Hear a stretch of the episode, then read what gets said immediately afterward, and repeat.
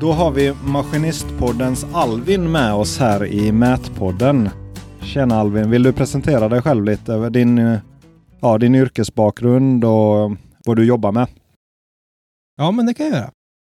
Eh, Alvin Aronsson heter jag. Jag är 21 år gammal och eh, jobbar som grävmaskinist i Östergötland, Norrköping. Och eh, kör en hjulgrävmaskin, eh, jobbar på VA-jobb mycket har eh, relativt nyligen eh, börjat hålla på eller, till mer del med mätning också. Eh, så att jag har en stav och eh, sitter lite vid datorn på kvällar och sånt också. Håller på med relationshandlingar och ja, men lite terrängmodeller, lite schakter och sådana saker. Sitter och fixar i ordning handlingarna som jag får då. Spännande. Vad har du för maskinstyrningssystem? Jag har ett Exciteland Nova från Moba. Ja, så Moba. Och vad har du för eh, handhållen tjofräs som mjukvara? Det är också från Moba där, så jag är inte riktigt säker på vad den heter. Nej, nej, men det är Mobas. De har ju Precis. gett ut en, eh, ja, en eh, ja, GPS. GNSS-stav där ja. Ja. Vad är det för eh, mjukvara på datorn eh, som du använder för att behandla det? Eh, Jag sitter med eh, Adtolos där, Topocad. Okej, toppen. Jag har bara testat det väldigt, väldigt ytligt för ett antal år sedan, så det är ett av de programmen som jag egentligen inte känner till så mycket. Hur tycker du liksom från en ny användares perspektiv har det varit att komma in i det och känna sig någorlunda produktiv? Nej, men jag fick höra från eh, för, för våra utsättare liksom, så jag fått kollat lite när jag suttit med dem på kontoret och gått igenom lite saker tidigare. Så jag kollat lite på vad de har gjort liksom, och sen pratade jag med dem och sa men, eh, ja, men vi kan fixa det till mig så kan jag jobba med det. Och eh, han sa att ja, men, eh, det kanske tar ett tag att komma in hit, eh, men har du hållit på mycket med Photoshop och sådär innan? Och svarade jag ja, men lite grann. Och då sa han att men det här kommer hjälpa mycket. Så att jag hade väl lite med mig från den delen att jag suttit mycket och redigerat vid datorn liksom med, med podd kanske och med sådana saker. Ehm, så liksom knapparna är väl detsamma, men sen är det mer tänket hur det fungerar och vad man gör liksom som jag fått lära mig lite. Ja. Har du haft utsättare, alltså folk som har kunnat, som du har kunnat fråga eller har du liksom fått räkna ut allt själv? Ja, Vi har ju på firman där jag jobbar har vi ju tre stycken som sitter. eh, Vi har väl en som sitter mest på kontoret och mm, bara vid datorn nästan och sen har vi två som är ute då också sitter vid datorn. Ja, ja, men då har du liksom en gedigen support, intern support som du kan fråga. Ja men precis. Jag har ju, I början så gick ju allting som jag gjorde igenom dem eh, och nu har jag väl börjat känna mig tillräckligt eh, säker så att då, om det inte är något super super viktigt jobb så brukar jag, då brukar jag skicka iväg det själv. Mm. Innan vi pratar mer om mätning, eh, vill du prata lite om Maskinistpodden, liksom eh, varför du startade den och lite eh, vilka som lyssnar på den och lite så. Det hade varit intressant för mina lyssnare, många, eller en del av mina lyssnare också tror jag. Ja, nej men det var så här att eh, för eh, lite mer än ett år sedan så eh, satt jag och en, eller en kollega, Anna som också är min co-host i podden. Vi satt och pratade i telefon och så sa vi det, fasiken, vi snackar ju på maskiner och allt möjligt liksom hela tiden om dagarna. Ska kanske starta en podd, för det finns ju ingen alls som pratar liksom om maskiner eller någonting. Det fanns ju lastbilspodden då, men det var ju inte riktigt ja, de hade väl något avsnitt tror jag då som berörde någon maskin, men inte mer än så. Så då eh, sa vi det, här, men vi startar en podd. Så vi eh, satte oss hemma i min lägenhet med varsin strumpa över en mikrofon och ett mixerbord och spelade in första avsnittet. Eh, rätt så knackigt vart det väl och eh, ljudkvaliteten var väl sådär. Men eh, vi hade väl hundra lyssnare första avsnittet tror jag. Typ på en vecka. Ja, roligt. Så det sköt i toppen och vi fick en sponsor som ringde direkt och så var jättekul. Eh, och sen dess har vi bara kört på här nu och eh, pratat med lyssnarna liksom och vad vill ni höra för någonting och sådana saker. Så vi försöker catera till dem. Mm. Och det finns ju en liten överlappning där. En maskinist gör ju en del av utsättningen, eller det är en symbios med ut, utsättning såklart att, att utsättaren gör det maskinisterna, underlaget till maskinisterna, så det finns lite överlappande delar här då. Mm, absolut. Men jag tänker hur, eh, när du har liksom börjat sätta ut lite och eh, liksom kommit in i utsättarvärlden där, hur tycker du din syn på utsättaren har förändrats? Den största delen det är ju just när det kommer till modeller och maskinstyrningen, absolut. Eh, jag vet att, eh, jag tror jag nämnt det någon gång i podden tidigare, att eh, det här med typ text Eh, i en DXF till exempel, att den eh, beroende på vad man har för CAD-program på datorn och beroende på vad det är för maskinstyrning, eh, så kan ju texten bli olika när man exporterar den. Och i mitt fall då, så om man exporterar en text i flera om man tänker att man kör den i flera textrader ifrån Altolo och Topocad till Moba så hamnar texten, den klarar inte av att läsa det som flera rader utan det blir ett specialtecken mellan raderna istället. Så det blir en jättelång radda istället. Och eh, enda sättet att lösa det, det är att sitta och göra om varje text i DXFen för hand. I alla fall i Topocad. Sen vet jag inte om det finns andra program som kan hantera och göra om texten. Men eh, för det är just eh, de här klarar inte av att ta in texter som flera rader. Jaha. Och det tänkte jag innan det att men det är väl ett eh, jättelätt sak som man kan lösa. Det är bara att fixa det om jag ringer till dem. Och så är det en DXF med hundra olika beskrivningar. Det är ingenting man gör på en handvändning bara precis. Nej, det DVG och DXF-världen är ju en eget kapitel. Det finns nästan oändligt med bekymmer man kan stöta på. ja, verkligen. Hur tycker du en bra maskinstyrningsmodell ska vara? Vad vill du ha för modeller om du gör en, en parkering och en grund? Liksom? Hur, hur skulle du be, spontant, liksom, vad vill du ha för filer? Ja, men till att börja med så jag uppskattar alltid att modellen, alltså terrängmodellen, den ska överlappa ytorna. Så om man har en parkering som är 20 bred, då får modellen gärna vara Ehm, 22 meter kanske. Så man, har, så man inte får liksom blir av med höjden så fort spetsen kommer lite utanför. Och sen också att man är tydlig i modellen vad det är för höjder man har utgått från. Om det är färdig asfalt, om det är färdigjusterat för asfalt eller om det är kanske bärlager eller om det är justerat, alltså vad det är för någonting. Det är riktigt viktigt. Mm. Ja, verkligen. Brukar du göra det med namn eller? Ehm, om jag gör dem till mig själv så brukar jag, då har jag ju lite koll på dem, men eh, lättast är om man namnger, för där kan man ju alltid se i, i maskinstyrningen vad DXF, eller TRM i det här fallet då heter.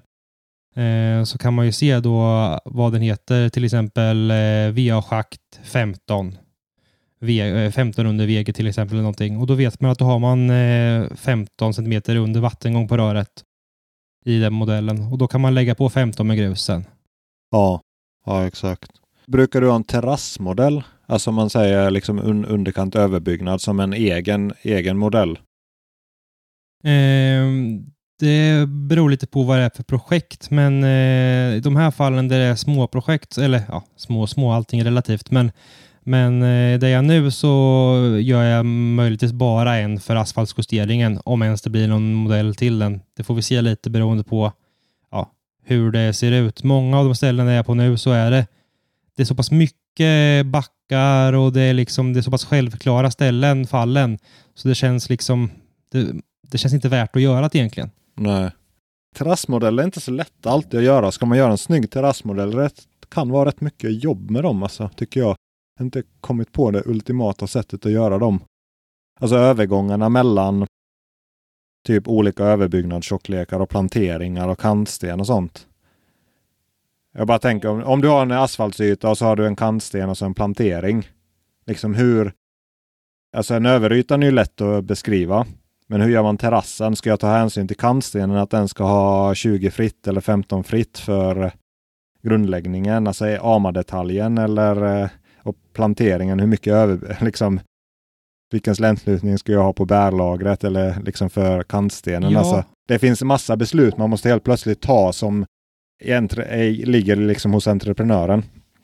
Precis, jag brukar bara göra en och det brukar bli färdig asfalt brukar det bli för det är lättast eh, att mäta in eh, när man ska göra den. Och då eh, till exempel beroende på bomberingen och gör man bara en färdig asfalt då blir det ju bomberingen som blir fallet liksom. Annars kanske man på, på förstärkningslagret kanske man inte hade valt att lägga någon bombering överhuvudtaget egentligen. Den kanske bara lagt ut och sen på bärlagret kanske man hade lagt lite eh, bombering och sen på stellagret. Mm. Ja, nej, nej den, är, den är lite lurigt. Ja, nej, jag är bara nyfiken hur man gör.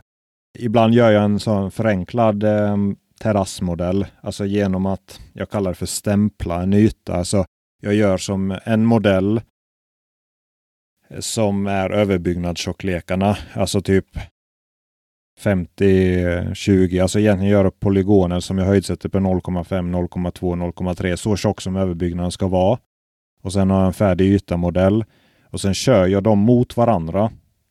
Och då får man ju egentligen, alltså en, det blir ju en differensmodell, skillnaden mellan dem och kör man dem mot rätt håll eller fel håll eh, beroende på hur man ser på det, så får man ju en höjd som är egentligen avspeglad, alltså ja, färdig yta minus överbyggnadstjockleken. Och då får man som en eh, terrassmodell, men den fixar inte övergångarna mellan typ kantsten och planteringsyta alltid så snyggt. Men det ger ändå en liksom rätt så istället för att maskinisten ska behöva titta på överbyggnad. Okej, okay, här ska vi ha 50 under färdigt och alltså då måste man kanske ta fram någon typdetalj eller sådär. Det, det kan underlätta ändå. Den är rätt så lätt att göra.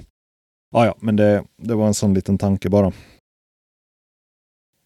För en som aldrig kört med maskinstyrning, hur, hur, eh, hur svårt tycker du det är att komma igång med maskinstyrning och köra med maskinstyrning?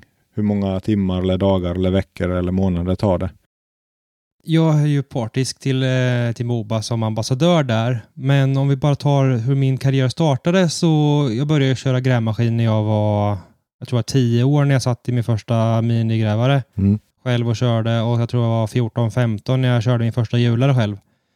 Men eh, jag var, tror jag 19 år första gången jag fick röra maskinstyrning och då hade jag aldrig kört med det tidigare och varit liksom inhopp, eller hoppa in det direkt. Jag har väl turen bakom att jag är så intresserad som jag är och varför jag har kommit dit jag kommit idag med just mätningen. Så att eh, jag tyckte att det var relativt lätt. Men eh, sen säger jag också det att med Moba som system och jag har hört från många andra, eh, nu väljer jag Moba för att det är det jag kör med, eh, så är det väldigt lätt för oavsett om du vill jobba efter färdiga modeller och linjer och punkter och sånt så är det väldigt lätt att köra eller om du vill bygga dem själv så är det jätteenkelt. Det är liksom bra menyer. Det, det är självklart liksom vad det är man gör när man klickar på en knapp och sådana saker. Så det finns avancerade val att göra, men du kan också göra lätta och simpla saker utan att behöva bry dig om det andra. Mm. Men om man säger köra efter maskinstyrning, det är inte alls svårt. Det är liksom som att eh, du har en pil upp eller ner egentligen. Typ. Eller ja. en linje du ska kolla på. Men frågan är liksom hur du navigerar i skärmen och hur du väljer modellerna eller vad du ska ha och sådana saker. Det är där det kanske tar lite längre tid och det är alltid från system till system hur det fungerar. Ja, det är ju ofta rätt så lätt att komma igång med maskinstyrning. Men du, du har ju kört med den handhållna lösningen också. Hur mycket svårare är det att hålla en handhållen GPS och mäta in och, och liksom eh, sköta utsättning från den. Alltså om man bara liksom subjektivt rankar det, hur mycket svårare är det att lära sig det liksom? För det är kanske nästa steg för många då, liksom, ja, men jag vill lära mig en handhållen lösning också. Och då, turen, eller det som är så bra i det här fallet är att i Mobas fall så är det exakt samma sak. Den enda skillnaden är att istället där det står val av skopa i grävaren står det stånghöjden. Annars är det exakt samma mjukvara. Ja, ja så det, okej, okay, det är samma liksom. Eh, så att eh, precis program, samma sätt som ja, du ja. följer en terrängmodell i grävaren följer du den i staven. En linje i staven i grävaren, en punkt. Det är en annan skopa helt enkelt. Det är en annan, ja, det är en annan utrustning, men det är samma program. Ja. Okej, okay, så det är ju lätt. Och sen om du rankar liksom och lära dig göra modellerna då, Topocad, liksom och, och börja. Hur lång tid tog det innan du kunde göra din första terrängmodell till exempel? Jag tror att eh, första terrängmodellen, jag vet inte hur, men det var nog lite programmet som jag inte var riktigt med på. Det var exporteringen som var det största. Men just eh, att göra modellen eh, var inte speciellt svårt för att ha, det är ju samma princip där att du har Ja, antingen har du en ritning med höjder på som du vet eh, eller så har du inmätta punkter som du vet du ska gå efter. Och eh, sen är det ju bara att bygga linjerna däremellan och sen eh, ja, göra om till en terrängmodell. Och där eh, väljer du då, eh, du gör en linje till exempel på vattengång och sen får du förskjuta den med en offset neråt till kanske för att få lite grus i botten på schakten och sen tar du en offset på sidorna och sen tar du en offset som blir åt sidorna och höjdmässigt så du får en slämt. Och så får med det. Och sen eh, så gör du så, sen väljer du de linjerna och genererar en terrängmodell. Men egentligen är det inte så svårt att göra det alltså själv också. Vi säger om man vill ta nästa steg, alltså man har mätt, man, man har kört maskinstyrning, man kanske är anläggare, man är grovis och så satt ut och mätt in lite enkla punkter. Alltså, det jag vill komma till, hur svårt skulle du säga att det är att komma igång på kontorsdelen om man vill skapa underlag själv och göra lite enklare ritningar eller hantera lite relationsmätningar i datorn? Det är inte svårt, utan det är, har, har du intresset först så kommer det komma liksom av sig själv. För att alla de här, specifikt Moba och Altollo är jättebra också, liksom supporten och ringa dit. Och Moba är också toppen med supporten och ringa dit. Så att det inte du löser eller fattar, det ringer du bara och ber om hjälp.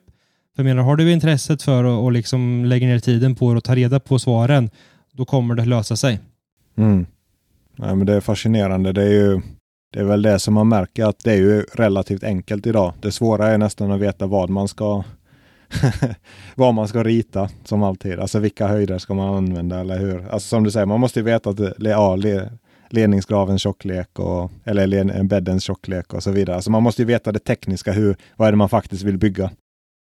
Ja, och som du sa tidigare eh, när vi pratade så eh, det är ju här, finns ju två olika sätt att bli mätare. Ena är ju att man går eh, yrkeshögskolan där och blir och då lär man sig mätning, mätdelen. Eller så väljer man eh, vägen som jag har valt att gå, att man jobbar i branschen, lär sig liksom gräva, man kan jobben och sen börjar man gå in på den sidan. Så jag har ju med mig alltihopa. Jag vet ju vad det är för ledningar jag mäter in. Jag vet ju hur det ska se ut. Jag vet ju vad det är liksom. Så jag har ju hela tiden en, eh, liksom en bild i hur vad det är jag har mätt in. Så jag vet ju, men det kanske problemet kanske blir för mig att jag inte vet hur jag ska, hur jag ska bygga upp det i programmet. Men jag vet ju inte, jag vet ju vad det är jag ska göra i alla fall. Mm. Hur går du tillväga om du vill lära dig mer om mätning idag? Alltså, hur lärde du dig vad ett koordinatsystem var och hur en DVG funkar och så? Liksom, har du bara frågat eller hur? Ja, men eh, mycket i början var ju liksom, eh, ja, det var prata med våra mättekniker som vi har liksom eh, och som jag har liksom har fått lärt mig allting av. Så fort de kom ut liksom till arbetsplatsen och jag inte hade någonting annat för mig, då stod jag bakom axeln liksom och kollade på deras stav och kolla vad de gjorde, hur de jobbade. Och när man är på kontoret och ska gå igenom en relationshandling eller någonting, då satt jag liksom och frågade, men vad gör du nu? Vad är det här för någonting? Hur fungerar det här? Och inte bara sitter och nickar och kollar, eh, och kollar upp från telefonen om det är något som är relevant för mig, liksom. utan man är med hela tiden.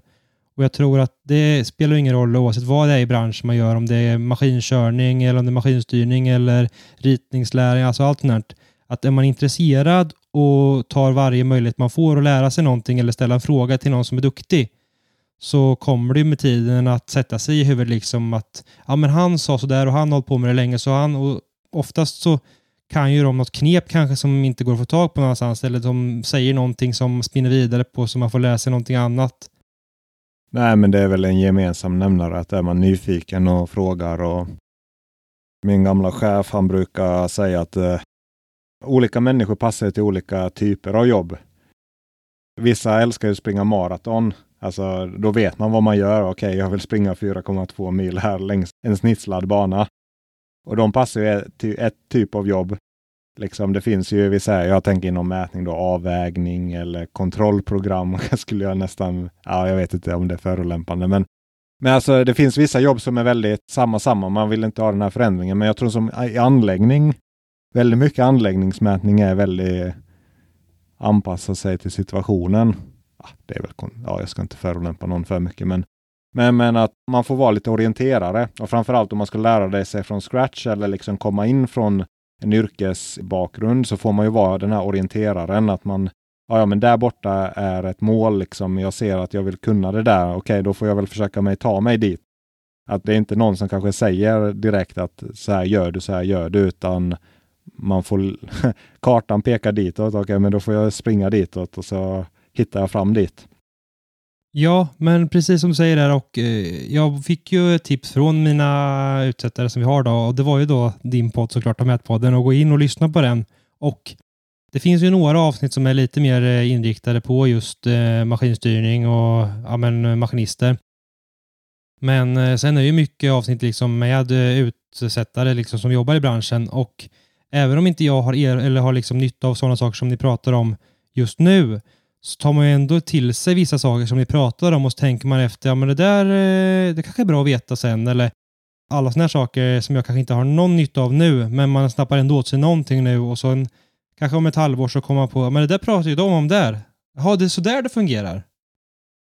Ja, nej, men det är ju roligt att höra, för jag, det är väl det som är kul, att det finns lite information att dela med sig av. Jag tänker lite så att man försöker göra det innehållet som man själv hade velat lyssna på när man började. det, det är så. Men jag tänker, har ni något formellt samarbete som du och din utsättare eller de som jobbar som utsättare på ett företag? Alltså hur, hur får man till det här samarbetet mellan? För att man kan ju känna som utsättare, ja men nu tar entreprenören mitt jobb, delvis. Eller så kan ju vissa tycka att det är jättebra, entreprenören eh, eller liksom utföraren kan göra mer för jag hinner inte med det. Men hur får man liksom till så att man samarbetar på ett bra sätt? Har ni liksom pratat om det? Att du gör det, men vi gör det, eller då, ni, ni kontrollerar mig. Har ni något sånt tänk? Vi har ju turen att alla tre utsättare som vi har, det är ju våra egna. Så de jobbar ju på företaget där jag jobbar. Det är ju inte så att det är några inhyrda, utan det är ju liksom våra egna. Jag tror vi har eh, sex eller sju stavar på företaget. GNSS-stavar. Tre stycken, eh, heter de R8, är det Trimbles va? Kan de heta så? Ja, de heter ju R8, R10, R12 och sånt där. Ja. Jag är inte så hemma, men det låter som en Trimble, ja. Vi har tre stycken till utsättare som är med topp eh, värstingstavarna. Och sen har vi ju eh, några Leica-stavar och sen har vi ju min Moba-stav. Eh, så vi har ju nästan på alla VIA-lag som vi har som åker runt och gör jobb med VIA liksom, så har vi ju en med oss i varje, på varje projekt som kan utföra inmätning nästan. Bara för att underlätta, för att många jobb där vi är ju kanske inte går att mäta in med maskin och sen så behöver det fyllas igen typ igår. Och då är det ju vikt, eh, eller kan det vara skönt att istället för att man ska sätta en eh, stakkäpp och säga två meter ner så är det en, eh, en svetsmuff här och så ska utsättaren komma och mäta in den sen så mäter man in den nu direkt. Tar ett foto och sen är det klart. Ja, det låter ju som en dröm om när man får till det där och funka. Med kodlista eller kodning, hur tycker du det har gått att lära sig dem? Eller hur, hur gör du för att koda grejerna rätt? Eller kodar du om det sen när du har det i datorn? Eller hur lägger du upp det spelet? Jag kör ju åt Norrköpings kommun och eh, de har ju en egen kodlista för allting som de vill ha det. Och eh, i Moba så går det enkelt att göra. Det är ju en NFCL-fil som du har, som du gör, som blir eh, till en kodlista där du fyller i koden, vad du har för namn, smeknamn. Och sen kan du söka i systemet sen då på till exempel eh, vattenservisventil. Och så väljer du den sen. Och då eh, kommer den hamna som rätt kod i eh, ja, inmätningen. Och när jag då drar in den i eh, CAD-programmet, TopoCAD, så har jag gjort en färdig kodlista för den ritningen och då kommer den hamna i rätt lager, bli rätt färg och allt sånt. Då går det att välja om vi, vill, om vi vill ha symboler på det också, men i vårt fall så jobbar vi mest i exportering av PXY-format. Och då, blir det ju, då finns det ingen mening med att hålla på med symboler. Då är det bara punkter. Smidigt. Och sen eh, samma sak där med linjer. Du kan ju välja, du kan, i kodlistan så väljer du under en, när du kodar den här NFCL-filen, så väljer du i en parameter om det ska vara en linje eller en punkt. Ja, ja, så att koden har en inbyggd som en uh, ja, dagvattenledning. Precis. Det blir automatiskt en ledning då. Precis, så, så då går jag in, då har jag två listor i skärmen. Då står det en flik som heter punkt och en som heter linjer. Då klickar jag på som är linjer. Då får jag upp listan för linjer som finns kodade. Och då kanske det finns isolering, det finns el, befintlig el, befintlig tele, befintlig fiber, ja allt sånt. Och sen eh, vatten, spill, kombiledning, dagvattenledning. Ja, det, det är ju jättesmidigt. Då slipper man ju där att det bara blir en stor hög med punkter som man kan ja. raljera över. Nej, det blir ju väldigt många punkter ändå. Då, eh, till, om man tar bara som ett exempel vid en inmätning av en, eh, om man gör en eh, servisavsättning på en vattenledning. Kanske man har en T-kors för stammen eller en anborrning. Då har du ju en, om det är en svetsmuff där så är det ju en svetsning som ska mätas in där. Sen har du ju en dimensionsförminskning där, då ska du mäta in den. Sen så har du en punkt på ledning för ledningen och sen kanske det är en till svetsmuff och sen är det en servisventil. All, allt sånt, alla de ska ju ha en egen punkt. Mm. mitt tillvägagångssätt har blivit väldigt... Eh, jag tycker att det är väldigt simpelt eh, och för min del så funkar det bäst att jag mäter in ledningen som en vattengång. Och sen, eh, för du kommer ju alltid ha, även om du mäter in det liksom, så kommer det alltid att det kommer flytta sig någon, några millimeter liksom, även om du mäter in dem direkt efter varandra. Så då har jag valt att mäta in vattengången och sen så snappar jag bara alla punkter till vattengången sen. Ja, ja. För att få färdigt på relationshandlingen. Så då blir det ju en linje på till exempel vattnet och sen blir det en svetsmuff där. Då mäter jag den uppe på och behöver inte bry mig om någon vattengång eller någonting och så snappar jag bara den till linjen sen. Ja, spännande. Um, jag tänker här lite. Om man zoomar ut lite. Om man tänker sig vad ska utsättarna tänka på eller lära sig av maskinister? Det finns ju utsättare i alla fall Det har kommit eh, och specifikt nu för att nu på sådana här projekt det är jag nu, då får jag göra det gör jag mycket själv. Men jag åker ju runt lite också så jag kanske kommer till ett projekt, ett stort projekt där jag inte har någonting alls med, med att göra handlingarna utan jag bara använder dem. Och då vet ju jag hur en utsättare kan göra och vad som är rimligt av dem att göra. Och det finns ju vissa utsättare som, som inte alls är förstående till att eh, man ska kunna, att man bygger upp en DXF på ett speciellt sätt för att få bra lager i maskinstyrningen. De kanske bara, vissa i värsta fall komprimerar allt till ett lager bara för att eh, de tycker att det är lättare så. Och då blir det jättejobbigt för mig som sitter med Moba som kan separera lagren i färger och tända och släcka lagren som jag vill.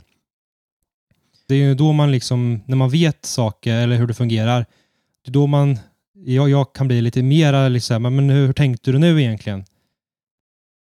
Så att eh, ja, men det kan vara de tillfällena då där man, eh, där man vet att det utsätter en eh, på ett väldigt enkelt sätt. När, när till och med jag hade gjort det på ett enkelt sätt, kunnat eh, eh gjort filerna lätthanterliga för mig i maskinstyrningen, men inte gör det. Det är då man kanske inte tänder till, men man blir lite så här, man ifrågasätter var, varför de inte har gjort det. Medan som i andra fall eh, när, det, när man tidigare påpekar någonting och sen har man insett att ja, men det är inte så lätt att ändra på det där så det får vara liksom. Mm. De sakerna bryr man sig inte om längre då. Nej. Nej, så det låter som ja, prata, prata emellan att utsättaren kan fråga liksom hur, hur vill du ha det? Inte anta att här, nu får du jobba så här. ha lite förståelse till de olika systemen vad det är för system. Liksom. Eh, jag är inte säker på att lajka exakt hur det är, men jag vet Moba i alla fall, där kan du ju plocka alla lager i en DXF som du vill, tända och släcka och ändra färg på dem. Och vissa andra kanske inte kan det. Det är jobbigt det är, alltså vi säger som en utsättare så kanske du har tre eller fyra system på ett jobb. Liksom så vill du inte göra massa varianter på filer. Alltså ibland vill man ju bara göra det enkelt för sig och liksom så att du har samma filer, att det funkar någorlunda i alla. Och, ja, det finns många det är en, det är en röra. Och sen har man kanske gamla, gamla sätt att jobba på som funkade bra för fem år sedan eller tio år sedan. Men idag har ju maskinstyrningssystem. Det är ju någonting som man märker på mässorna att de uppdateras ju hela tiden. Nästan alla säger att vi uppdaterar si eller så många gånger om året. Det är ju nya funktioner. Alltså, använder du ett system för tre år sedan så är det inte samma system idag. Nej, Rent nej, programvarumässigt. Då. Utan det, är ja, det händer mycket. Finns det något annat som du tänker som liksom mer förståelse än en utsättare skulle kunna ha? Förstå hur maskinistens vardag är istället för att bara tycka de är dumma i huvudet. Nej, men jag, jag, tror att tvärtom där så tror jag att det, det, är viktigare det här med att maskinisterna får, men självklart att en utsättare kanske kan vara med lite och trycka på det här så att maskinisten verkligen förstår det, att det är inte bara att komma i sista sekund och begära någonting, utan man får ha lite framförhållning. Och det är väl egentligen maskinisterna som behöver tänka på det, men jag tror det kan vara för, för utsättarens skull så tror jag det kan vara smart att man är, försöker vara övertydlig med att säga det till dem så att de inte tar, tar det för givet att alla maskinister vet det. För oftast så, så hör man ju skräckhistorier som du sa där att de kommer eh, samma dag liksom. Hörru du, jag måste ha det här nu. Det löser du va? Eh, och eh, då är det viktigt att utsättaren liksom ja, men var tydlig med det att eh, om det är någonting du behöver ha, då är det så här mycket tid jag behöver ha eller eh, ja, vad det nu kan tänkas vara. Så att eh, man, eh, man har en tydlig kommunikation mellan eh, maskinisten och utsättaren vad det finns för möjligheter. Det kan, ju, det kan ju vara så att det finns inga mer underlag överhuvudtaget och då, är det ju, då måste man ju kanske vända sig till arbetsledningen eller projektören för att kunna få tag på flera handlingar för att kunna få dem i maskin.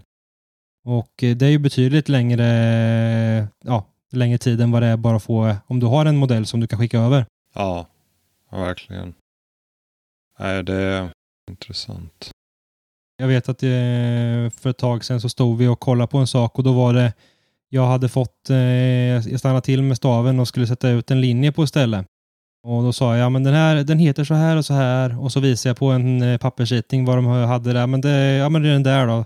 Ja, det är den jag kan sätta ut det. Men är det den ni vill ha? Är ni säkra på det? Nej, ja, och så pratade jag med, med våran, eh, med utsättaren som hade jobbet och sa, men det är det enda han, du har fått allting som finns liksom. Behöver du något mer så får vi ta det vidare liksom. Och då slutade det med att, då satte jag ut den och så sa jag att bara så ni vet så är det den här linjen jag har satt ut. Och lite med det där att jag var, jag var tydlig med att jag vet inte om det här är den linjen ni önskade, men det här är den enda linjen jag har. Just det liksom att ibland så kanske de, eh, ibland kanske inte finns de underlagen som de vill ha, men eh, bara för att någon har ritat det på en och skriva ut en pdf liksom eh, som en pappersritning så är det inte säkert att de handlingarna finns som DVG eller att vi har fått tag i de DVG och DXF-erna som utsättare. Nej, exakt. Det är bra att vara medveten om det där. Intressant. Jag känner att man fått lite matnytt. I, ja, lite tankar från eh, din, din sida här. Eh, är det något annat du tänker på som du skulle vilja förmedla till Mätpoddens lyssnare eller mätare så generellt? Nej, men jag tänker att eh, det är inte så svårt, eh, eller det är inte svårt och eh, jag tror att det är väldigt många som eh, ja, men skaffar sig en stav eh, och lite sådana saker eller CAD-program vid datorn så att det viktigaste är bara att man ibland tar ett steg tillbaka, kollar på allting man gör och sen tänker först och främst, är det rimligt liksom? För det är inte lätt att göra fel. Eh, men det var som du sa en gång där att hit, när, när man, beroende på när man ser felet man gör så kommer det kosta en si och så mycket. Så att det är väldigt viktigt att man hela tiden kollar på, speciellt när man är ny och kanske inte när man börjar bli varm i kroppen, att man verkligen kollar. Ser det ut att stämma? Kan det här vara rätt? Så här, så man inte gör bort sig. Så du säger kontroll, kontroll, kontroll. Det är ju det. Det är det som ja. håller mätaren vid liv. det är ju så.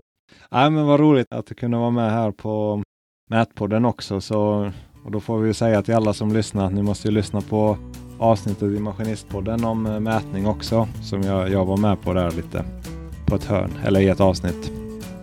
Ja, precis. Det som inte nämns här, det nämns garanterat där. Gött. Tack så mycket. Tack själv.